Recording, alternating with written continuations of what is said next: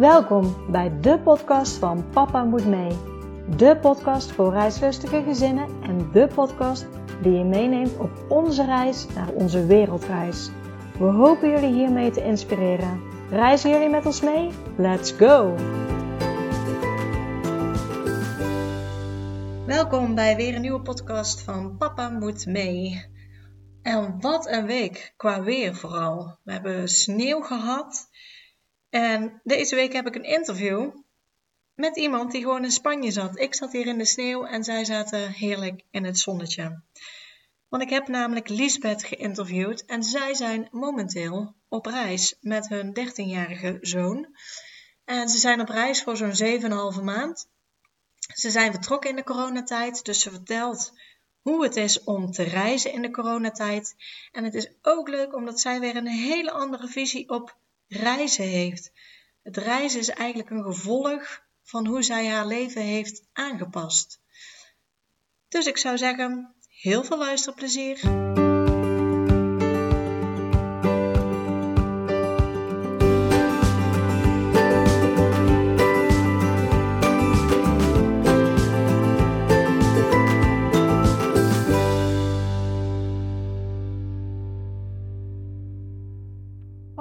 Welkom bij de podcast van Papa Moet Mee.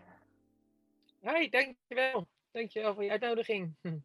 Ja, wellicht leuk voor de luisteraars. We beginnen zo even met voorstellen, maar op dit moment ben jij op reis. Dus het is wel heel leuk om iemand te spreken die ook echt daadwerkelijk op reis is. De meeste die ik spreek, die zijn terug van hun reis al. Um, maar ja, nu iemand die gewoon nog aan het reizen is op dit moment. Ja, klopt. Ja, wij zitten met onze camper in Spanje op het moment. En ehm, ja, dat is zalig. Dat is een heerlijk uh, plekje en uh, weg van heel veel uh, ellende, moet ik eerlijk zeggen, denk ik. En zeker weg van de sneeuw. Ik begrijp dat er sneeuw ligt, dus wat dat betreft is het hier zalig in het zonnetje. Ja, ja. De, de weersverschillen zijn nu heel groot. Hier ligt inmiddels sneeuw inderdaad, dus ja, het is een groot verschil. Uh, Misschien goed om te beginnen, zou jij jezelf en je gezin kunnen voorstellen aan de luisteraars? Ja, zeker. Ja, zeker. Mijn naam is uh, Lisbeth Uitholm. Uh, ik ben 43 jaar. Waarom hebben we dat onszelf afgesproken dat we dat erbij moeten zeggen? Maar goed. en ik reis met mijn vriend Ronald en mijn zoon, 13 is die, Lef. En twee honden van uh, nou, zeven en, uh, en één. En dan reizen wij in onze zelf omgebouwde uh, DHL-vrachtwagen. Is het eigenlijk, er is een camper van gemaakt. En wij zijn lekker on tour door Europa. En dat is natuurlijk nu iets beperkter ehm, in verband met corona. Dat het wellicht niet helemaal de reis gaat worden zoals we dat van tevoren in gedachten hadden. Maar goed, het, idee, het, voordeel, of het voordeel dat je geen echt plan hebt zorgt ook dat je er niet echt van af kunt wijken. Dus dat het niet zo snel uh, tegenvalt of iets. Ja, ja, inderdaad. Ja. Om even bij het begin te beginnen, waar, waar kwam jullie droom vandaan? Uh, nou, die kwam denk ik bij mij vandaan. Uh, Ronald en ik die zijn pas twee jaar bij elkaar. en ik had denk ik een jaar of zes geleden, ja, zeg ik dat goed? Ja, zes of zeven jaar geleden had ik al besloten van nou, ik wil Um, op een bepaald moment wil ik locatie onafhankelijk zijn. En dan wil ik gewoon kunnen verplaatsen wanneer ik dat wil. Um, daar heb ik toen mijn hele business eigenlijk op, uh, op aangepast. En daar heb ik een plan voor gemaakt en voor gezorgd dat dat ook inderdaad een volledig locatie onafhankelijk inkomen werd. Op dat moment was ik uh, personal trainer uh, met een eigen uh, gym en eigen studio. Dus dat was uh, niet zo heel erg locatie onafhankelijk. toen heb ik daar een plan voor gemaakt voor een, een aantal jaar. En nou, ik heb me netjes aan mijn plan gehouden. En met als gevolg dat ik gewoon een te gek locatie onafhankelijk bedrijf heb. Um, en toen ik Ronald leerde kennen, want ik was alleen toen ik um, die plannen had, zeg maar, om te gaan. Mijn kinderen die vroegen zich af van hoe in hemelsnaam zie je dat voor je, mam? Uh, want ik heb nog een dochter ook, die is 18, die uh, is gewoon in Nederland gebleven. Um, en toen dacht ik, ja, ik weet het eigenlijk zelf ook nog niet precies hoe ik dat voor me zie, maar het komt vast goed. Dus terwijl ik aan het daten was, had ik natuurlijk ook gewoon, toen ik alleen was, um, ik, zei ik eigenlijk altijd wel gelijk erbij van, nou, ik wil heel graag locatie onafhankelijk worden. En de, voor de meeste mensen is dat um, gewoon, dan is het gesprek gelijk ten einde ongeveer. Wat oh. heel selectief is, wat is super makkelijk. Um, en eigenlijk toen bij Ronald, die had, dat, die had diezelfde wens. En los van dat dat prettig is, vonden we elkaar ook erg prettig. Dus ze hadden zoiets van, oh, dat is wel super tof. En toen op een gegeven moment zei ik van, wij zeiden in eerste instantie, nou, over een jaar of vijf dan gaan we reizen. En toen zei ik, maar wacht eens even, Ronald. Ik zeg, waarvoor gaan we niet volgend jaar al dan? En toen zag ik mijn zoon opkijken van, oh mijn hemel, want waarschijnlijk moet ik dan mee. en uh, dus toen zei ik ook van, ik, we hebben helemaal geen reden om het niet te doen volgend jaar. Dus dat was inderdaad een jaar geleden. Um, nou, zo gezegd, zo gedaan. Dus dat is eigenlijk, uh, het kwam bij mij vandaan. Ik wilde heel graag uh, gaan reizen en gewoon de keuzevrijheid hebben. Uh, om te werken en te leven waar ik op dat moment wil zijn. En ik realiseerde me heel goed dat ik gewoon nog moet blijven werken, waarschijnlijk tot ik de dood bij neerval, bij wijze van spreken. Um, dus ik wilde ook zeker niet wachten tot ik met pensioen kon of weet ik veel. Uh, ik wilde gewoon, nu ben ik in de kracht van mijn leven, dus ik wil dat nu doen. Dus ik heb ook mijn hele situatie daar dusdanig op aangepast dat ik ook nu kan. En dat ik niet eerst uh, inderdaad uh, een loopbaan af moet ronden of uh, nou ja, wat dan ook. En ik wilde heel graag die keuzevrijheid houden. Dus ik heb er heel gericht voor gekozen om inderdaad een business op te bouwen die mee op reis kan. Waardoor in principe hoeft er dus geen einde aan mijn reis te komen. Dus omdat je net zei, van er zijn heel veel mensen die zijn alweer terug van hun reis. Ja. uiteraard zullen wij ook een keer terugkomen. Ik bedoel, laat ik dat voorop stellen. maar de reis die we nu fysiek maken, is eigenlijk ook wel een onderdeel van de reis uh, ja, de levensreis. En dat klinkt lekker uh, zweverig, hè? maar wel van de levensreis die we maken. Want ook als we terug zouden komen van deze fysieke reis, ik bedoel, Lefty moet straks echt wel weer een keer naar school. Um, ja, wij zullen niet klaar zijn met verplaatsen, zeg maar. Dus daar, uh, wij zullen niet stoppen met uh, verplaatsen, simpelweg omdat we nu die, die keuzevrijheid hebben. Dus we hoeven niet meer op één locatie te zitten. En, en, kwam dan het verlangen, want eigenlijk zeg je al zes jaar geleden ben je jou, met jouw business aan de slag gegaan om die om te zetten naar locatie onafhankelijk.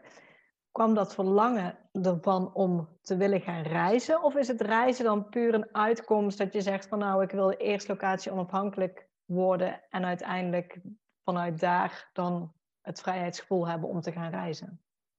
Ja, dat laatste.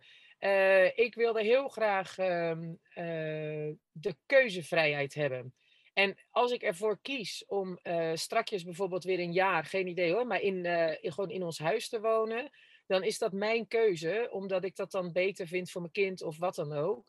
en die keuzevrijheid die vul ik nu in door met een camper rond te reizen. Maar dat kan ook zomaar zijn dat ik over vier of vijf jaar of over twee jaar, weet ik veel, uh, ervoor kies om die keuzevrijheid in te vullen met een huis in Spanje bijvoorbeeld. Dus het, zit, uh, het reizen is een, een uh, gevolg van de vrijheid die ik heb gecreëerd. Dus niet andersom. En ik denk toevallig, dat is echt heel toevallig, heb ik daar vanmorgen een stukje over geschreven. Heel veel mensen die, misschien is het helemaal niet toevallig en heb je dat gelezen, dat zou kunnen. Maar, nee, ik heb het um, niet gelezen. Heel... Oh, oké. Okay. Maar heel veel mensen die denken dat reizen hun de vrijheid gaat brengen. Uh, maar op het moment dat jij niet in vrijheid op reis gaat, um, ja, dan ga je echt van een koude kermis thuiskomen. Want namelijk alles is intenser als je aan het reizen bent. Dus als jij, je, als jij aan het vluchten bent, zeg maar, dus je bent aan het vluchten of voor jezelf en daarvoor hoop je dat je die vrijheid tijdens het reizen tegen gaat komen. Ja, je gaat alleen maar jezelf, je vluchtende zelf onwijs tegenkomen. Uh, en ik denk oprecht dat als jij eerst ervoor zorgt dat je die vrijheid vanuit jouzelf creëert, dus of dat dan in inkomen is of gewoon een stukje acceptatie van wie je bent, van weet ik het, dingen loslaten die je los moet laten, et cetera. En je gaat, uh, dan kan de, uh, het gevolg zijn dat je gaat reizen. En dan, dat is briljant. Want dan heb je namelijk in vrijheid kun je zien wat er te zien is, zeg maar, in de wereld. En um, ja, voor mij is dat heel sterk dat gevoel. Uh, is het niet uh, andersom, zeg maar, dat ik uh, moet reizen om me vrij te voelen. Maar eerst, ik heb het echt andersom gedaan. Ik wilde me vrij voelen. En als gevolg daarvan dacht ik, maar wacht eens even. Dan, ik ben geen boom, dus dan kan ik ook verplaatsen. Ik kan dan ook iets anders moois van de wereld gaan zien, weet je? En gewoon ergens anders mijn leven gaan leven. Ik vind het namelijk heel bijzonder altijd dat... Um, we wonen op een waanzinnig grote wereld. We zijn eigenlijk zijn we zo vrij als we zouden willen zijn of zouden kunnen zijn. Um, en tegelijkertijd is er voor de meeste mensen maar één stadje of één dorpje wat ze echt van voor naar achteren kennen. Dat sommige wegen heb je in je leven zo ontiegelijk vaak gereden of gewandeld of whatever. En dat, dat vind ik zo'n rare gedachte dat je denkt, hoe kan dat nou? Je bent eigenlijk met z'n allen een soort wereldburger. Al zou je het willen, dan krijg je de hele wereld niet zomaar in één leven gezien. En dan kiezen we ervoor om op dat ene plekje, om dat heel erg goed ja, eigenlijk niet eens echt te beleven. Want het is meer op de automatische piloot. Dat je voor de duizendste keer datzelfde straatje doorloopt om je kinderen naar school te brengen. Of nou ja, wat dan ook. En dat vind ik een heel bijzonder iets. Want ik inderdaad, ja, ik zeg ook vaak tegen mijn klanten van ja, het feit dat je geen boom bent, dat zorgt ervoor dat je kunt verplaatsen. En als je dat niet wil, dat hoeft niet, hè, want dat moet ook niet het doel aan zich zijn. Ja. Maar die keuzevrijheid voor mij is echt onbetaalbaar. Dat ik inderdaad kan verplaatsen als ik dat wil. Ja, mooi. Mooi gezegd. Ehm, vorig jaar gaf je al aan, werd eigenlijk gezegd: oké, waarom wachten we er nog mee? We gaan gewoon. Wat waren toen de eerste stappen die jullie hebben moeten zetten daarvoor? Um, nou, wij hebben, dat is heel grappig, want wij, gingen, wij kennen elkaar pas twee jaar. En toen hadden we uh, binnen drie maanden hebben we een camper gekocht. Ik wist bij wijze van spreken Ronald zijn achternaam nog niet eens echt, zeg maar. Gewoon, het was echt nog heel pril. En, maar goed, wij waren gewoon totaal verliefd op die camper geworden. En toen hebben we daar wel wat reisjes meegemaakt, et cetera. En toen op een gegeven moment hebben we inderdaad de knoop doorgehakt. En uh, zelfs mijn zoon die zei een maand voordat we weggingen van nou mam, eerlijk gezegd, jij zei dit vorig jaar, maar toen dacht ik, het zal wel weer, weet je, het zal wel loslopen. We zullen wel zien of het echt gaat gebeuren. Hij zegt, ik had niet gedacht dat we echt zouden gaan. Uh, nou, dat was denk ik um, uh, enige ja, hobbel, voor zover dat een hobbel te nemen was, uh, was dat onderwijs even onderzoeken. Omdat iedereen tegen wie ik zei van, nou, wij willen graag gaan reizen en Lefty gaat mee, uh, die zeiden, ja, dat kan niet. En dan dacht ik, oh, nou, dan houdt het eigenlijk alweer op. Weet je, zo'n gevoel, omdat zij heel stellig waren in dat kan niet. En toen dacht ik ineens, ja, maar wacht eens even. Wat nou als ik gewoon eens even de, de bevoegde instanties ga bellen en gewoon eens even ga vragen wat nou precies de status is, wat wel en niet kan. Nou, dat waren precies twee telefoontjes en toen wist ik dus binnen een half uur wat er wel en niet kon. En toen had ik eigenlijk niet zo heel veel te regelen. Dat klinkt heel stom, maar uh, ja, wij nemen inderdaad een groot deel van ons leven mee natuurlijk. Dus um, ja, je, je inkomen dat loopt gewoon en uh, dat maakt, dat was toen al gewoon uh, locatie onafhankelijk. Alleen benut ik het nog niet op een andere locatie als in ons huis. Ja. En um, toen was het eigenlijk meer van, oké, okay, nou ja, dan moeten we nu gewoon ehm, ja, een plan maken of zo. En ook dat, want ik moet echt op de laatste weken ook. Ik heb niet echt een plan gemaakt. Dat klinkt heel, heel saai eigenlijk. Um, want ik merkte ook heel vaak dat ik een beetje in verwarring gebracht werd en onzeker werd door andere mensen die gingen reizen. Want die zeiden, ik moet nog zoveel regelen. En ik voelde me dan een beetje onnozel. Ik dacht, oh, maar ik niet. Wat doe ik dan verkeerd? Want waarom heb ik niet heel veel te regelen? En waarom heb ik geen stress? En waarom heb ik geen, weet je, dat het onoverzichtelijk is? Of ik had zoiets van, ja, of ik ben, de, ik ben ook een boek aan het schrijven en een stukje in mijn boek gaat ook over of ik was briljant voorbereid. Dus ik had het zo goed vooruit gepland dat het plan gewoon echt uitmuntend was. Ja, of ik had er echt gewoon een zootje van gemaakt. En dat zou ik gaan ontdekken op het moment dat we weggingen. Zo van, oh shit, inderdaad, dit ben ik allemaal vergeten. Weet je, zo'n gevoel. Maar goed, het was blijkbaar het eerste. Uh, want ik ben niks vergeten. We hebben geen grote misses gemaakt of weet ik veel. Dus het was gewoon een, een plan wat goed liep. En waardoor het tijdspad ook oké was. Waardoor we geen, uh, ja, weet je, niet zo heel veel hoefden te regelen. Het was uh, even inderdaad met name de, hoe heet het, de Lefse vader ehm, nou, overtuigen, dat is niet echt gelukt. maar die uh, het, op de hoogte brengen van het feit dat ik Lef graag mee, mee, wilde nemen, dat was misschien nog de grootste ja, hobbel, of in ieder geval het grootste aandachtspunt, zeg maar. Ja, want hoe hebben jullie het dan uiteindelijk aangepakt met de leerplicht? Uitgeschreven. Uitgeschreven uit Nederland. En eigenlijk is er geen andere optie. Zeker niet voor uh, middelbare scholieren. Uh, je hebt volgens mij op de lagere school artikel 41 uit mijn hoofd. Uh, ja. Dat is de wet voor, uh, voor het basisonderwijs. Um, en als je dan bijvoorbeeld een maand voor of na de zomervakantie wil reizen, dan kan het nog wel eens zijn dat school zegt van nou weet je, prima, je mag op een andere plek les hebben als hier op school. Maar voor zo'n lange periode, we zijn 7,5 maand weg, um, ja, zouden ze dat ook nooit goedgekeurd hebben. Maar die, dat hele artikel staat ook niet in de wet voor uh, middelbaar onderwijs. Dus sowieso ja, uh, hoe heet het, is dat artikel niet aanwezig. Uh, en zelfs de leerplichtambtenaar, ja, die heb ik aan de telefoon gehad. En ze zei van ja, ik vind je plan echt fantastisch. Want het ging ook over uh, gewoon de manier waarop ik lef wilde onderwijzen dan onderweg.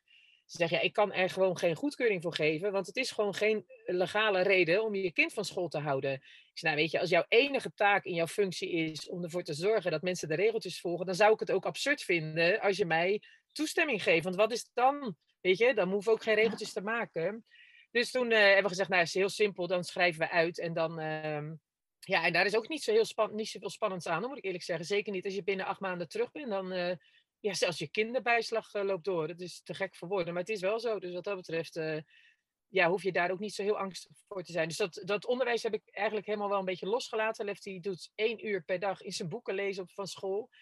Um, en is dat genoeg? Ja, niet om door te gaan waar die is, was, zeg maar.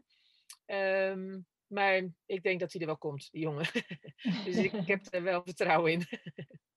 ja, want, jullie hebben gekozen voor uh, uitschrijven. Hebben jullie ook nog een huis in Nederland op dit moment? Ja, ja. maar Ronald die is uh, niet uitgeschreven. Uh, dus dat is een prettig haakje wat je dan hebt. Hè? Want alleen uh, Ronald is niet de vader ja. dus die heeft in principe geen, uh, daar geen band mee, hoe heet het, qua uitschrijven. Um, dus voor mij en Lef, wij zijn samen uitgeschreven en het huis hebben we nog. Ja. Oké, okay, dat, dat, en hebben jullie het huis verhuurd of staat het gewoon leeg? Nee, er is, af en toe maakt een vriendin daar gebruik van, maar niet, ehm, niet verhuurd. Nee. Oké, okay, ja, dus dat hoef je ook niet te regelen. Um, en als je dan kijkt, je hebt je uitgeschreven. Vroegen ze bij uitschrijving ook een adres? Ik hoor wel eens als je naar de gemeente gaat en je wil je uitschrijven, uitschrijven dan, dan willen ze een ander adres hebben. Ja, klopt. Ja, ja ik heb uh, Spanje als adres opgegeven. En dat was heel grappig, want toen kreeg ik uh, gewoon de rioolbelasting, de brief van de rioolbelasting um, op een gegeven moment. En daar stond echt Liesbeth Uitel, Spanje. Nou, het was serieus net of ze een brief hadden geschreven naar Sinterklaas. Zo, Sinterklaas, Madrid. Weet je, zo'n uh, idee. Dan komt het altijd aan. Dus dat was wel heel grappig, want dat was echt gewoon Nederlandse, hoe heet het, gewoon rioolbelasting. En daar hebben ze dus inderdaad dat overgenomen. Uh, ja, dat is dus niet zo spannend en zeker niet zo uh, uh, ingewikkeld als uh, als je binnen acht maanden weer terug bent. Daarna, als je langer dan acht maanden wegblijft, ja, dan willen ze heel graag natuurlijk een adres hebben, omdat je dan gewoon echt.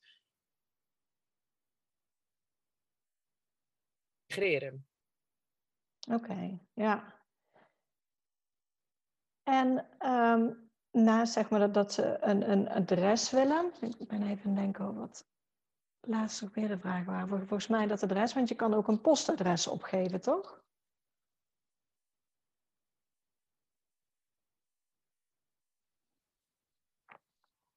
Ja, je bent er weer, je beweegt weer. Ja, de verbinding was even, even weg. Ja. Ik weet niet of je, me, of je mijn vraag hebt, hebt gehoord, maar ik zei naast ze uh, een adres vragen, kan je ook, dacht ik, een postadres opgeven, toch? Uh, ja, dat kan als je je echt wil uitschrijven. Dan uh, uh, kun je bijvoorbeeld bij familie of vrienden. Um, dat is het meest gunstige eigenlijk voor, um, om dat te doen. Omdat je dan gewoon dat ze weten, zeg maar, dat je familie of vrienden waar je inschrijft, wat de status is. Je kunt daar, degene die er zelf in wonen in dat huis, dat kan zijn als die gebruik maken van toeslagen, dat die gekort worden op hun toeslagen. Um, als er mensen bij komen wonen. Uh, nou, dat zijn dingen die je van tevoren natuurlijk eventjes moet, moet overleggen en even moet aankijken. Oké, wat zijn de gevolgen? Persoonlijk denk ik dat als inderdaad, als je zelf geen huis meer hebt en je, hebt, je wil graag gebruik maken van iemands postadres, ook altijd zeggen van, joh, weet je, zorg dan dat je dat verschil met die personen deelt, zeg maar, of niet deelt, dat jij dat invult voor hun, zodat het hen niets kost, zeg maar. Want daar is jouw probleem mee opgelost. Want dat is, je moet gewoon iets van een, uh, een houden als je in Nederland ingeschreven wil blijven. Um, of als je weer terug wil komen, zeg maar. Dus als je inderdaad binnen die acht maanden. Dus dan is het soms handig om dat gewoon eventjes aan te kijken. Oké, welke gevolgen zou dat hebben? Je wordt niet zomaar fiscaal partners, logisch. Dus wat dat betreft valt het mee. Maar met name inderdaad de toeslagen. Dat kan zijn dat daar een, een, een gat komt, zeg maar, voor degene die al in dat huis woont. Ja, en dan zou ik altijd als reiziger zeggen van, nou, dan, dan betaal ik dat aan jou. Dan heeft niemand er last van. Dan ben jij erbij geholpen. Want soms is dat nog wel gewoon een uitdaging om uh, ergens een postadres te vinden, zeg maar. Ja, ja. Uh, het tweede wat ik vaak hoor als je uitgeschreven staat, is de camperverzekering. Hoe hebben jullie die geregeld?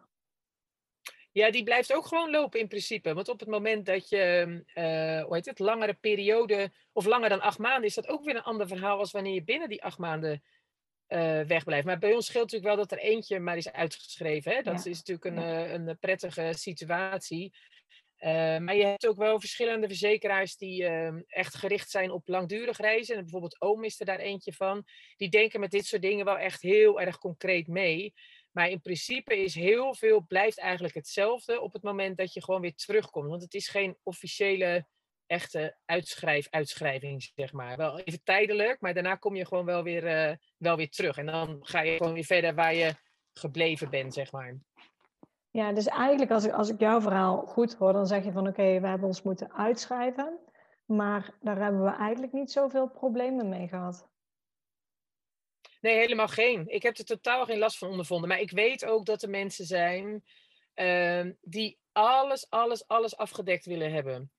Uh, maar in principe, bijvoorbeeld, ik zei, volgens mij zijn er heel veel camperverzekeringen, ook die, uh, als jij een langere periode in het buitenland bent, dat ze daar niet eens je willen dekken. Maar dat soort dingen, ja, ik moet eerlijk zeggen, daar heb ik me veel minder in verdiept, omdat ik het simpelweg niet meer bezig ben. Het hoeft voor mij niet allemaal helemaal tot eh, weet je, muur en nagel dichtgetimmerd te zijn van qua risico's, et cetera.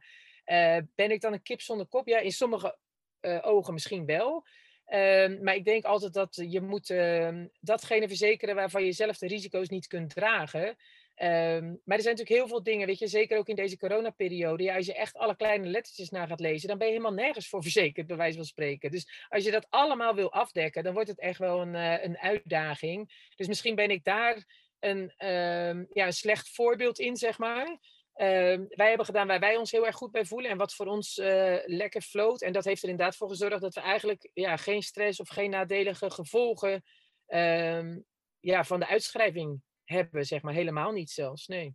Geen uh, bijzonderheden. Sterker nog, ik denk dat als ik me weer inschrijf, dan krijg je een knuffeltje. Meestal toch zo'n welkomstknuffeltje van je gemeente. Oh, geen idee. Kijk, dus... kijk. ja, misschien wel weer een leuke. En dat vond ik dan wel grappig. Ik dacht, oh, als ik me dan weer inschrijf, dan staat er. Um, hoe heet het? Misschien krijg je dan inderdaad woonachtig in, weet ik veel, vanaf een bepaalde datum. Terwijl ik daar echt gewoon mijn hele leven al woon. Ja. Ik denk dat is dan eigenlijk wel weer een leuke nieuwe, nieuwe start, soort van. Ja. ja. Nee, we hebben er geen, uh, geen hinder van ondervonden. Absoluut niet. Nee. En, en heeft de leerplichtambtenaar daar, want je bent redelijk open geweest aan de leerplichtambtenaar, dat je zegt we gaan 7,5 maand, als ik goed heb begrepen. Nou, normaliter uh, hoef je pas uit te schrijven als je langer als acht maanden en één jaar niet in Nederland bent. Uh, dan wordt er uitgeschreven van, vanwege de leerplicht. Heeft, heeft hij daar nog iets van gezegd of ook niet? Nou, nee, maar wat jij zegt is denk ik ook niet helemaal waar. Als je langer dan acht maanden in Nederland of uit Nederland bent, dan moet je je uitschrijven. Uh, maar om onder de leerplicht vandaan te komen, moet je je na maand eigenlijk al uitschrijven. Als jij een maand lang geen leerplicht wil genieten, dan moet je zorgen dat je geen Nederlander bent. Ja. Uh, dus dan moet je je uitschrijven uh, uit Nederland. Dus um, dat is denk ik net een iets ander iets. Misschien bedoel je hetzelfde hoor, dat zou kunnen. Um, maar het is niet zo dat je je pas na acht maanden hoeft uit te schrijven als je geen leerplicht wil hebben. Want er is namelijk geen andere manier om onder de leerplicht vandaan te komen. Ook niet als je twee weken, zeg maar, um, geen gebruik wil maken of van die leerplicht. Of geen uh, ja, gebruik ervan maken is niet helemaal de goede bewoording. Maar ja. um, je, je kunt namelijk niet, je kunt niet anders. Weet je, natuurlijk zeker niet voor een paar maanden. En daarvoor zijn wij binnen acht maanden weer terug, zodat alles door blijft lopen. Die wet langdurige zorg, dat dat blijft door, zodat je zorgverzekering gewoon door blijft gaan.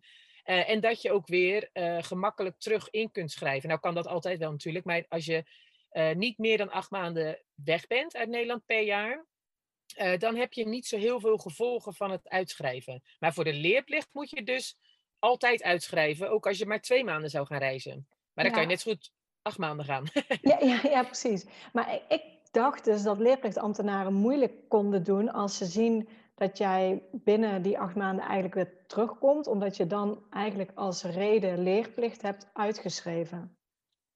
Ja, nou, ik heb er uh, niks of niemand over gehoord. Nee, dat, misschien dat dat nog komt, dat zou kunnen hoor. Maar Um, ik heb gewoon netjes uh, uitgeschreven. Bij, op school weten ze het. En uh, ze weten ook dat hij weer terugkomt. En dat hij gewoon weer. Uh, ja, dus ik ben inderdaad heel eerlijk en open geweest. En zij zei eigenlijk zelf van ja, een wereldreis. Of nou ja, dat is altijd een stom woord. Want er is, zijn maar weinig mensen die de hele wereld over reizen. Maar een reis is gewoon geen, geen reden om onder de leerplicht uit te komen. En ja, daarmee geeft ze eigenlijk aan, dan heb je geen andere keus dan uitschrijven. Ja. En wat je dan in die periode doet, ja, dat mag je zelf weten. Want dat is nou simpelweg de reden dat je uitschrijft. Dat je even niet onder die Nederlandse wet valt, zeg maar. Ja, Oké, goed om te weten. Uh, ja. ja. Qua, qua onderwijs, hoe heb je dat aangepakt? Je hebt denk ik contact ook opgenomen met de school. Ja, uh, school die was op zich super welwillend. Die wilde eigenlijk, uh, hoe heet het, gewoon alles blijft natuurlijk ook wel online uh, te volgen. op het moment dat wij, dus dat was nog even mijn hoop, dat we ingeschreven, of hoop, ingeschreven konden blijven, zodat hij inderdaad online lessen kon blijven volgen. Op het moment dat wij zeiden van ja, nou, als we toch uitgeschreven zijn, toen heb ik ook het onderwijs eigenlijk zo goed als losgelaten. Gezegd van nou, dan heb je gewoon een sabbatical en één uur per dag inderdaad in je boeken lezen. Dus we hebben een stapel boeken bij ons. En ja, weet je, dat is meer voor mijn idee dat ik denk, nou, hij gebruikt zijn hersenen af en toe nog een keer en hij kan af en toe uh, wat lezen. Uh, als dat het echt onderwijs te noemen is natuurlijk, want dat is natuurlijk veel te weinig. Uh, maar toen heb ik ook wel gezegd, van, ja, als we ons dan toch uitschrijven, dan ga ik ook niet moeilijk doen met dat hij iedere dag ingelogd moet kunnen zijn en dat hij goed internet moet hebben om al die lessen te volgen. En weet je, nu is er, er is geen toetsing, er is geen manier waarop hij zijn niveau kan blijven veiligstellen, zeg maar. Ja, dan komt dat wel weer. Hij, heeft, hij zat in tweetalig VWO 2. en ik heb de hoop dat hij um, een soort toelatingstoets mag doen als we terugkomen. En dat hij dan in tweetalig HAVO 3 verder mag. Dus één niveau lager. Dus niet zozeer, uh, hoe heet het, een jaar overdoen. Maar ik hoop dat ze hem inderdaad een toets laten doen. En als ze twijfelen, dat hij dan het voordeel van de twijfel krijgt. Dat tot de kerstvakantie mag proberen, zeg maar. Of hij dat niveau aan kan. En dat we anders alsnog ja, een plan B uh, trekken. Maar dan heb ik er wel vertrouwen in dat hij dan weer een paar maanden in het ritme zit. En dat hij echt wel dat, uh, dat niveau kan handelen, zeg maar. Dat hij gewoon lekker verder gaat op de HAVO. Ja, mooi. Uh, hoe uh, reageerde jouw zoon? Want die dacht dus eigenlijk van, nou, uh, ze roepen wel heel veel, maar eerst maar eens zien of, de, of dat we gaan. Nou, toen werd het werkelijkheid. Hoe heeft hij daarop gereageerd? Ja, semi-gelaten. Um, en dat is ook logisch, want ja, hij heeft natuurlijk zijn vader gewoon nog in Nederland zitten. en een gescheiden kind zit altijd tussen twee vuren. of twee vuren, in ieder geval tussen twee ja, ouders in ieder geval. En um, dat, is, dat heeft hij wel eens moeilijk gevonden. Want hij heeft natuurlijk ook wel, hoe heet het, dat hij zei van ja, weet je, moet dat? En ook nu nog hoor, dat hij ook wel eens denkt van ja, weet je, kan ik niet naar huis of kan ik niet naar Nederland? Of, um, en dat mag ook, hè, maar dat is het nadeel van gescheiden ouders, dat er is een keuze. nou was hij er niet zozeer om te blijven, maar um, er is nog wel een andere optie. En dat maakt dat je altijd die andere optie ook blijft bedenken. Ik bedoel, als jij gewoon als een, een gezin, uh, ouders en kind uh, weggaan, ja, dan is er geen keuze. En dan vinden ze het nog steeds wel af en toe stom, maar dan is het niet zo dat ze zullen zeggen, ja, maar ik kan ook naar huis gaan bijvoorbeeld. Dus hij vindt het aan de ene kant heel erg leuk. aan de andere kant is hij ook wel heel erg blij als hij straks weer in Nederland is, dat weet ik zeker. Ook voor zijn vrienden, want het is natuurlijk ook geen makkelijke leeftijd, 13 jaar. Nee. Overigens zien we ook mensen met jonge kinderen. En ook dat is niet altijd makkelijk. Ook die vliegen elkaar in de haren. En nou ja, ook dat heb ik met Lef besproken. Weet je, alles is een fase. Weet je, als je nu in Nederland had gezeten, had je het ook niet altijd leuk gevonden. Dus het is niet. Uh, reizen is niet zaligmakend, maar thuis zitten is ook niet zaligmakend. Weet je, het is allebei nooit uh, 100% um, tof. Dus er zitten hier ingewikkelde dingen aan. Um, en er zitten thuis ook ingewikkelde dingen aan. Dus dat, dat hou je toch. Ik denk alleen dat als je je leven vult met uh, bijzondere fases, zeg maar, dat je gewoon een heel tof leven krijgt. Dus dat je hierop terugkijkt en denkt, oh, dat was toch wel gaaf. We hebben gave dingen meegemaakt. Ook al is niet ieder moment makkelijk, leuk, gezellig of whatever, weet je. Dat is het thuis ook niet. Maar nee. dan ben je in ieder geval een andere, andere input en dus ook een andere output. En ja, weet je, dat is ook het voordeel. Je kunt uh, situaties nooit met elkaar vergelijken. Want ik heb geen idee, ik was ervan overtuigd, dat het niet goed zou komen met Lev als die op deze manier op school zou moeten blijven uh, volgen. Want hij had gewoon echt de haat aan school. Um, dus op zich is dit een prima, weet je, alternatief of invulling, even een break. Ja, en weet je hoe dat dan was gegaan als we wel waren gebleven in Nederland? Geen idee, daar ga ik nooit meer achter komen, want we zijn niet gebleven. Weet ja. je, dus wat dat betreft is er, uh, ik heb geen idee wat er was gebeurd. Maar voor mij voelde het heel erg goed om even te zeggen van, nou, we gaan gewoon even een andere input uh, geven en dan uh, zien we wel wat er dan gebeurt. En ja, dat is denk ik het meest chillen om op die manier ermee om te gaan. Gewoon niet te veel vooruitdenken. En ja, weet je, dan kijk gewoon goed naar je kind. Weet je, blijft hij gewoon met normale woorden praten, dan uh, zal het uiteindelijk echt wel goed komen. Het is ook maar, het is maar 7,5 maand. Hè? Het is geen uh, 30 jaar of zo. Dat is natuurlijk een heel andere fase dan. Ja, ja. Uh, nou ja, we hebben het al een beetje gehad over, over het werk, want jouw business gaat eigenlijk gewoon door, ook al zit je in het buitenland. Dus jullie hebben eigenlijk, neem ik aan dan vooraf, niet uh, een grote buffer moeten aanleggen van, van dit is ons spaarpotje. Jullie zijn, konden eigenlijk gewoon ieder moment vertrekken. Ja, klopt. En dat kan ik iedereen aanraden. Um, wat ik heel veel zie gebeuren, we hebben inderdaad, uh, natuurlijk hebben we gewoon gespaard, maar dat was niet zozeer voor uh, de reis, dat was gewoon omdat we dat hebben gedaan. Um, en toen um, uh, zei ik van ja, eigenlijk het mooiste wat er kan gebeuren is dat die spaarpot alleen maar groeit tijdens het reizen. Want weet je, dat is lekker, want ook dit is inderdaad maar een fase. En ik had wel zoiets van, nou, weet je, al zou het nodig zijn, dat was dan niet toen ik vorig jaar zei we gaan hoor, dat was eigenlijk dat langere periode terug, zeg maar, dat ik dacht, nou ja ben ik bereid om alles wat ik nu heb opgebouwd, om dat eventueel op te geven voor een reis. Dus dat je gewoon echt weer op nul moet beginnen, weet je. Dus zonder spaargeld, zonder, uh, nou ja, dat. En toen dacht ik, oh ja, prima, dat maakt me eigenlijk niet uit, weet je. Dat zie ik best wel zitten, dat maakt me niet uit. Ik vind het niet erg om alles wat ik heb opgebouwd, om dat in die, aan die reis te geven. Um, maar toen ik mijn business daarop ben gaan aanpassen, um, ik merk nu wel hoeveel het waard is om onderweg een inkomen te hebben. En ook gewoon een uh, werk en dan met name omdat het ook structuur brengt. Wat ik heel veel zie, het is voor mij geen 7,5 maand vakantie. Ik werk vier uur per dag. Nou, geloof me, daar is echt overheen te komen. Dat is niet, uh, hoe heet het, uh, ondoenlijk, zeg maar. Maar ik hoef nergens eigenlijk aan te denken. Dat wil niet zeggen dat ik een of andere big spender ben waar we hele dagen ijsjes zitten te eten of zo. Um, maar ik ik hoef niet na te denken van, oh shit, deze camping is net even wat duurder. Of het internet valt tegen, betaalt, daar moet ik meer voor betalen. Of uh, als er een keer uh, iets tegen zit met de camper, dat ik in de stress schiet. Wat ik bij heel veel mensen die aan het reizen zijn zie gebeuren, is dat zij kwaliteit van leven inleveren voor kwantiteit van dagen. Dus uh, op het moment dat, zij, dat er iets tegen zit en dat geeft een hap uit de begroting, dat betekent dat, dat zij minder lang kunnen blijven reizen. Simpelweg omdat het potje leeg raakt.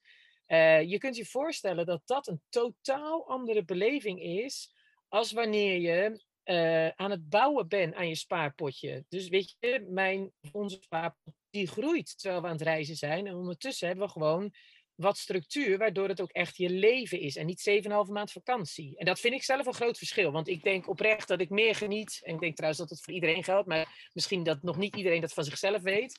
Uh, ik denk dat je meer geniet van vrijheid op het moment dat je jezelf wat beperkingen oplegt. Als jij iedere dag bijvoorbeeld pizza mag eten, nou geloof me, na dag 7 denk je, gadverdamme. Op het moment dat je jezelf met jezelf afspreekt van nou zes dagen in de week eet ik gezond, lekkere salades en gewoon groenten, et cetera en dan op zondag, dan neem ik lekker een pizza. Ik denk dat die veel lekkerder smaakt dan wanneer je een week lang pizza's eet. En dat is eigenlijk een heel praktisch voorbeeld van wat er gebeurt als ik uh, s ochtends. Uh, ik heb ook echt het tofste werk wat er is, laat ik dat vooropstellen. Um, maar als ik ochtends een paar uur heb gewerkt en ik kan daarna gewoon met volle aandacht genieten. En ik heb ook de middelen om met volle aandacht te genieten. Um, en ik val s'avonds met een voldaan gevoel in slaap. Omdat ik de wereld mijn beleving een stukje beter heb gemaakt door mijn werk. En dat is voor mij echt wel iets wat, uh, wat de reis nog intenser maakt. En wat er ook voor zorgt dat het meer een locatie-onafhankelijk leven is, zeg maar. En niet ja, gewoon een reis. Daarom zei ik ook van deze reis, deze fysieke reis, is slechts een onderdeel van uh, mijn levensreis. En ja, dat woord ja, zelf, ik kan er nog niks anders voor verzinnen. maar ik hoop dat je snapt wat ik bedoel. Ik snap het helemaal, ja, ja. Ja, want ook jouw uitschrijving heeft geen gevolgen gehad dan voor jouw inschrijving bij de KVK. Dat mag uh, 180 graden. Dus ik zou iets eerder weer uh, uh, bij de KVK aan moeten geven van... joh, ik ben er weer. Um, dan dat ik er misschien daadwerkelijk fysiek ben. Want de, de KVK die hanteert 180 dagen, geloof ik. Dus dat is zes maanden. Oké, okay, dus zes maanden mag je weg zijn uit Nederland en dan kan je gewoon ingeschreven blijven staan. Ja, klopt. Ja.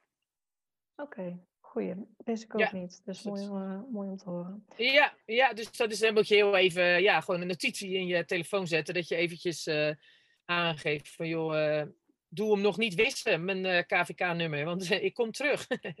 Zoiets. Ja. ja. Uh, ja, misschien is het ook wel leuk om te vertellen wat voor business je hebt. Want dat sluit ook best wel aan bij uh, ja, wat jij nu zelf aan ja. het doen bent natuurlijk. Ja, zeker. Ja, dat is... Uh, it is what you preach is eigenlijk wat ik doe. Ehm, ik creëer persoonlijk op maat gemaakte businessconcepten voor mensen die locatie onafhankelijk willen worden. En ik help hen met het uitwerken van nul, dus echt vanuit het, het concept tot een winstgevende business. Ehm, en dat is natuurlijk inderdaad uh, super tof om te doen. Want heel veel mensen, voor heel veel mensen is het inkomen het grootste struikelblok uh, voor de reis. Dus of inderdaad, we moeten wachten tot we gespaard hebben. Of we moeten wachten tot we met pensioen gaan. Of we moeten wachten tot we ja, een of andere leuke uh, freelance job kunnen vinden of zo. Uh, en wat ik eigenlijk heel graag wil en wat ik mijn klanten leer, is dat zij een business bouwen vanuit zichzelf. Dus echt vanuit hun eigen kenmerken, vanuit hun eigen missie. Um, omdat ik ervan overtuigd ben dat als jij op een fancy locatie zit, dus als jij echt gewoon jouw gedroomde leven aan het leiden bent, en je moet dan stom werk doen, heb je nog steeds een stom leven. Omdat 9 van de 10 keer moet je dat werk best wel veel uren van de dag doen. Um, en dan is het wel naar als dat iets is wat je eigenlijk helemaal niet zo leuk vindt. Uh, bijvoorbeeld, als jij inderdaad zegt, ja, ik kan mijn huidige baan, niet zo leuk, maar ik kan het wel op afstand doen. En dan zegt jouw werkgever, moet je iedere dag van 9 tot 5 ingelogd zijn. Ja, dan kun je zitten waar je zit, maar eigenlijk kan je net zo goed gewoon thuis op je kantoor gaan zitten, zeg maar. Want die beleving is natuurlijk heel anders. Um, omdat er gewoon heel veel van je vrijheid eigenlijk alsnog ja, bepaald wordt door een ander. En uh, ik denk dat als jij een duurzaam inkomen op jouzelf gebaseerd opbouwt en daarmee een plan maakt en uh, ervoor gaat zorgen dat daar jouw inkomen uitkomt, wat je kunt doen waar jij wil, dus echt gewoon locatie onafhankelijk, ja, dan leid je denk ik, eh, voor mij is dat wel de ultieme combinatie. Nogmaals, ik bedoel, ik ben niet in een situatie dat ik uh, nooit meer hoef te werken, zeg maar. Dat zou ik eerlijk gezegd denk ik ook niet willen, oprecht, net wat ik net zei. Ik vind het fijn om um, ertoe te doen, zeg maar. Ik vind het fijn om een stukje zingeving te ervaren en me voldaan te voelen aan het einde van de dag. Uh, dat zou ik niet hebben als ik alleen maar met mezelf bezig ben. Dus mijn kennis en mijn ervaring delen met anderen en anderen helpen om um, ja, hun gedroomde leven een stap dichterbij te brengen, dat maakt mij iedere dag intens blij. Dat vind ik echt super tof. En het leuke is dat mijn klanten vaak aan het begin, we werken drie maanden samen, hebben ze eigenlijk geen idee wat ze worden. Want dan gaan ze er heel blanco in en we gaan echt vanuit hen kijken, door middel van vragen natuurlijk, et cetera, van oké, wat is dan het tofste concept wat bij jou past? En dan zitten mensen echt klappend voor me. Dan via Zoom gaat dat natuurlijk van, oh ja, maar dit is wat ik leuk vind. Het idee alleen al dat ze daar hun geld mee zouden kunnen gaan verdienen. Ja, dat maakt hun zo gelukkig. En dan gaan we het vandaan gaan we het uitbouwen naar gewoon een, een, een businessconcept waar gewoon geld mee verdiend wordt. Ja, mooi, mooi. Ja, jij hebt ook een Facebookpagina. Dat is misschien ook goed om even te noemen voor de luisteraars die misschien ook interesse hebben hierin. Ja, klopt. Ja, mijn uh, Facebookpagina, mijn bedrijf heet No Madness in My Bus. Uh, nou, dat is natuurlijk een beetje dubbel, hè? No Madness. en ja. uh, mijn Facebookgroep, daar ben je van harte welkom voor mensen die inderdaad locatie onafhankelijk zouden willen gaan werken en geïnspireerd willen worden. Dat is de Facebookgroep Reizen en Werken en dan dubbele punt digitale nomade to be. en daar deel ik heel veel informatie over hoe je dat zou kunnen doen, wat de eerste stappen zijn, praktische punten, waarom je wel zou moeten willen werken in plaats van uh, gewoon helemaal niet. Um, maar dat is, weet je, en waarom, dat mag iedereen lekker voor zichzelf weten, uiteraard. Maar mijn visie daarop in ieder geval, welke extra waarde het heeft, welke extra toegevoegde waarde het heeft als je een duurzame business op jezelf gebouwd mee kunt nemen op reis. Want dan is het ineens niet meer slechts één reis, maar dan is het gewoon een, een onderdeel van, van je nieuwe leven, zeg maar. En dat, ehm, ja, dat, ik denk ook oprecht dat de meeste mensen die op reis zijn geweest, ja, dat die met weemoed terugdenken. Dat ze of nu alweer opnieuw zijn gaan sparen. Maar goed, weet je, als je er tien jaar voor hebt moeten sparen, ik noem maar wat, geen idee. Uh, dan moet je dus nu weer tien jaar iets uitzitten wat je minder leuk vindt. Vervolgens ben je ook weer tien jaar ouder voordat je weer zou kunnen. Um, ja, weet je, waarvoor weer teruggaan in het oude? Als dit is wat je heel graag wil, dan zou ik zeggen, ja, zorg dat alle facetten kloppen. Weet je, dus inderdaad je werk, dat je partner erop aangepast is, dat je levensstijl erop aangepast is. Als dat is wat jij graag wil, ja, ga ervoor, alsjeblieft. Want dat, uh, inderdaad, dat je uh, als je weer terug moet en je komt, dat je echt in een gat valt, dat denk ik serieus. Geen idee. Ja. Wat, uh, maar dat weet jij misschien, want mensen die heb je al gesproken die terug zijn gekomen. Ja, nou, moet ik zeggen dat bij, bij sommigen ook het leven heel anders is als ze weer terugkomen in, in Nederland. Maar je ziet ook vaak dat mensen inderdaad een, ja, weer gaan sparen om weer op reis te gaan. Ja, dat zie je heel vaak. Ja, ja. Met meerdere gezinnen beetje... die al meerdere keren op wereldreis zijn geweest. Ja. Ja. Ja, dat is natuurlijk best wel, uh, hoe heet het? Uh, ja, ik vind die, die, de, het offer wat je moet laten dan in die tussenperiode, dat vind ik wel heel groot. Hetzelfde als mensen die natuurlijk uh, werk doen wat ze niet zo leuk vinden.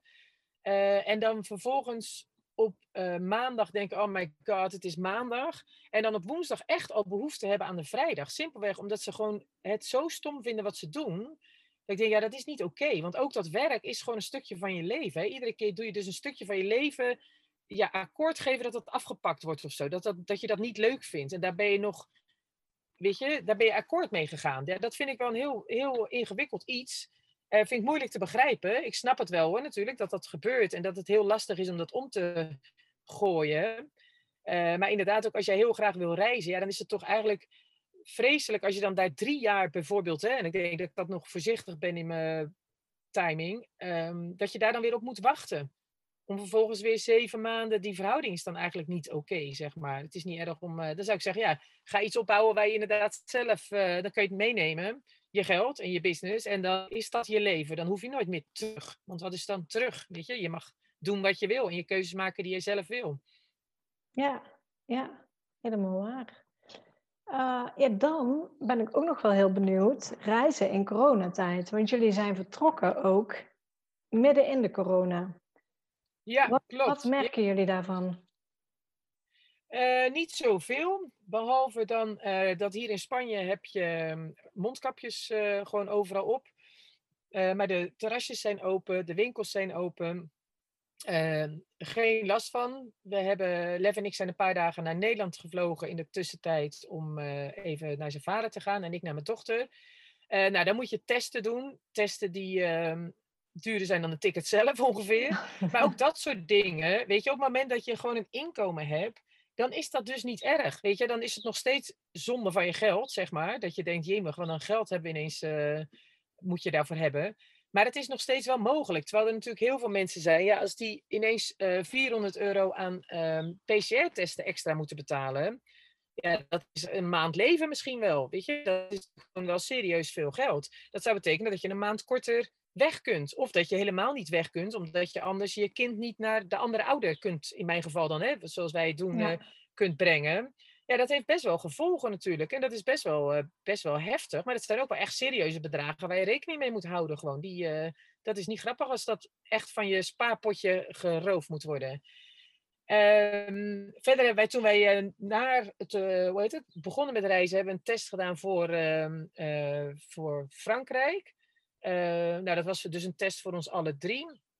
Uh, die hebben we echt aan niemand mogen laten zien. Dus dat was wel voor mijn gevoel 360 euro door de prullenbak of door de gootsteen gegooid.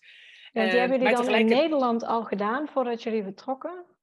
En die moest je dan klopt, bij ja. hebben om Frankrijk in te gaan. Alleen heeft niemand erom gevraagd. Nee, exact. Ja, we waren eigenlijk een soort van. Uh, we waren heel erg op onze qui-vive van: oké, okay, nu gaan we Frankrijk in. Nou, er was echt helemaal nergens iemand te bekennen. En we hadden echt zoiets van: ja, nou, want dan hebben we ons netjes aan de regels gehouden. Ja. Maar goed, je koopt wel gewoon een stukje zekerheid voor jezelf, weet je. Want uh, ik krijg natuurlijk heel veel vragen ook van, heb ik dat nodig? Ja, als de regering aangeeft dat je dat nodig hebt, dan moet je dat gewoon doen. En dat klinkt suf, want uh, weet je... Um, misschien inderdaad dat je ook niet gecontroleerd wordt. Maar het feit dat ik niet gecontroleerd ben, wil niet zeggen dat niemand gecontroleerd wordt. Weet je? Dus als je daar nou zeker van wil zijn, dan moet je gewoon uh, uh, gewoon die testen doen. En ja, dan is het jammer als het inderdaad uh, ja, ongezien weggegooid wordt, zeg maar. Want het is natuurlijk echt maar een paar uur geldig. Of ja. tenminste 72 uur dan. Dus dat... Uh, maar verder werken, merken we er weinig van. En denk ik, want we zijn dus een paar dagen in Nederland geweest in de tussentijd.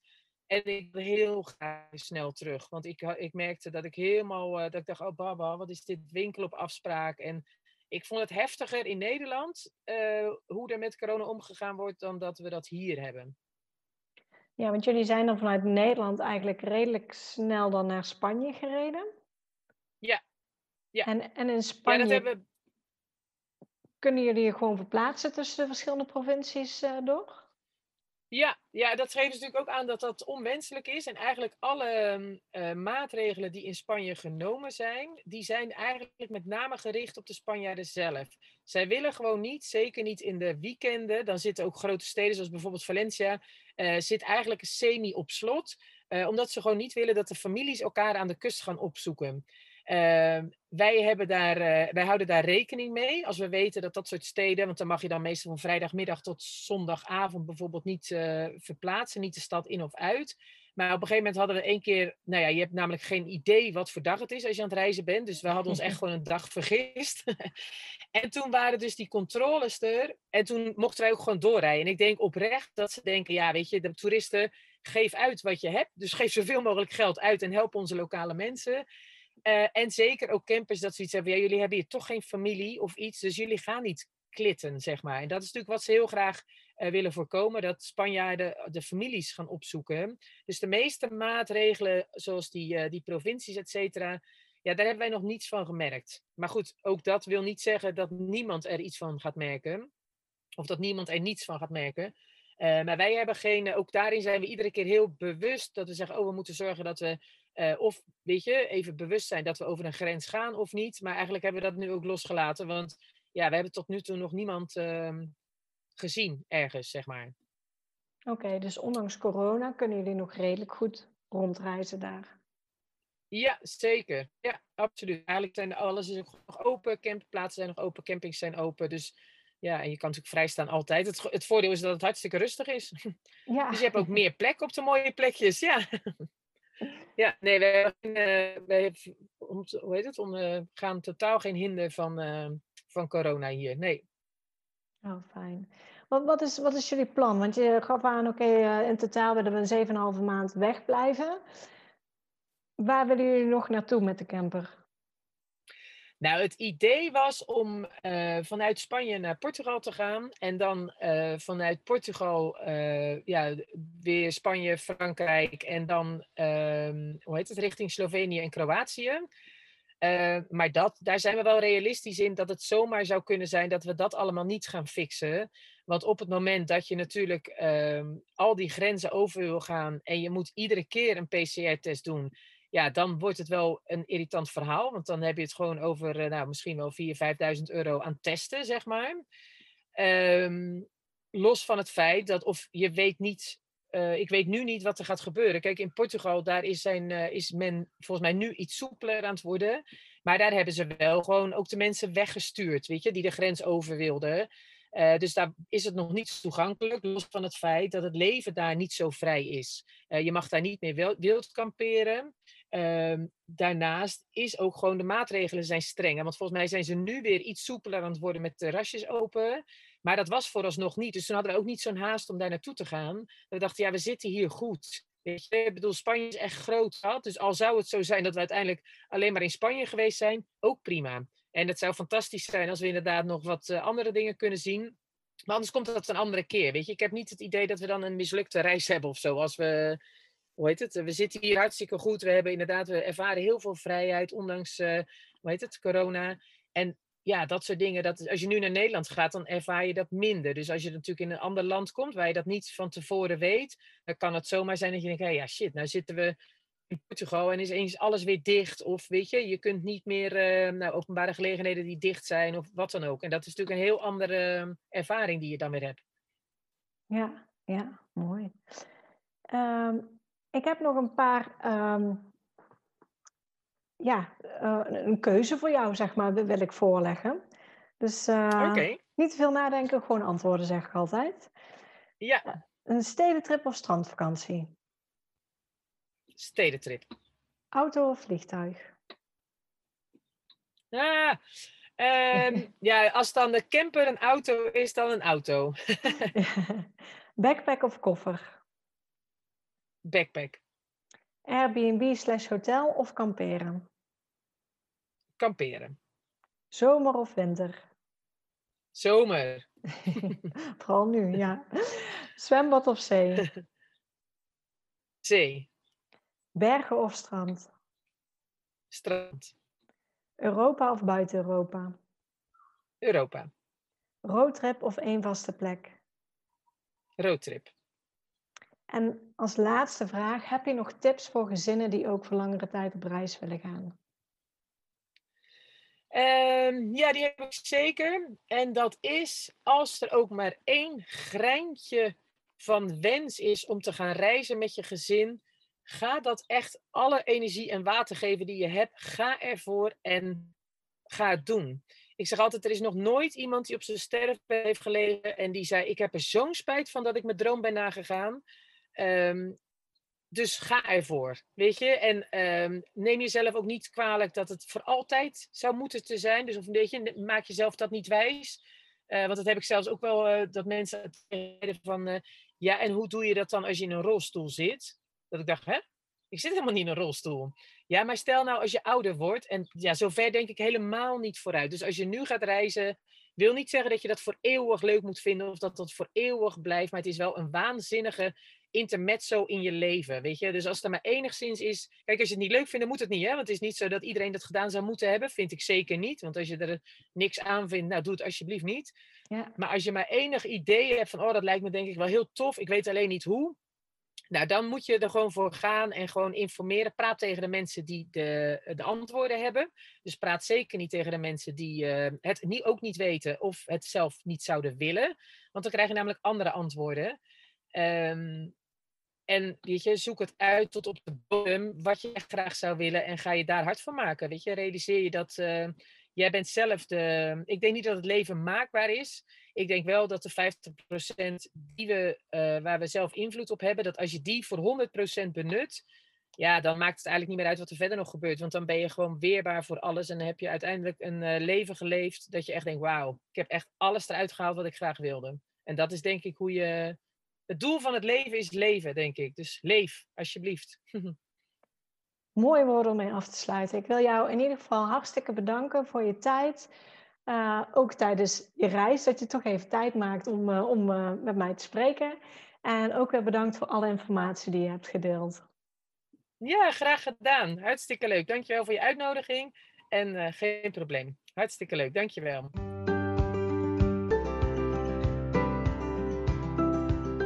Super bedankt voor het luisteren naar deze podcast. Ik zou het heel leuk vinden als je ons volgt op Instagram. Papa moet mee. Deel deze vooral in je stories als je hebt geluisterd en tag ons. En laat ons weten wat je ervan vond. Tot de volgende keer.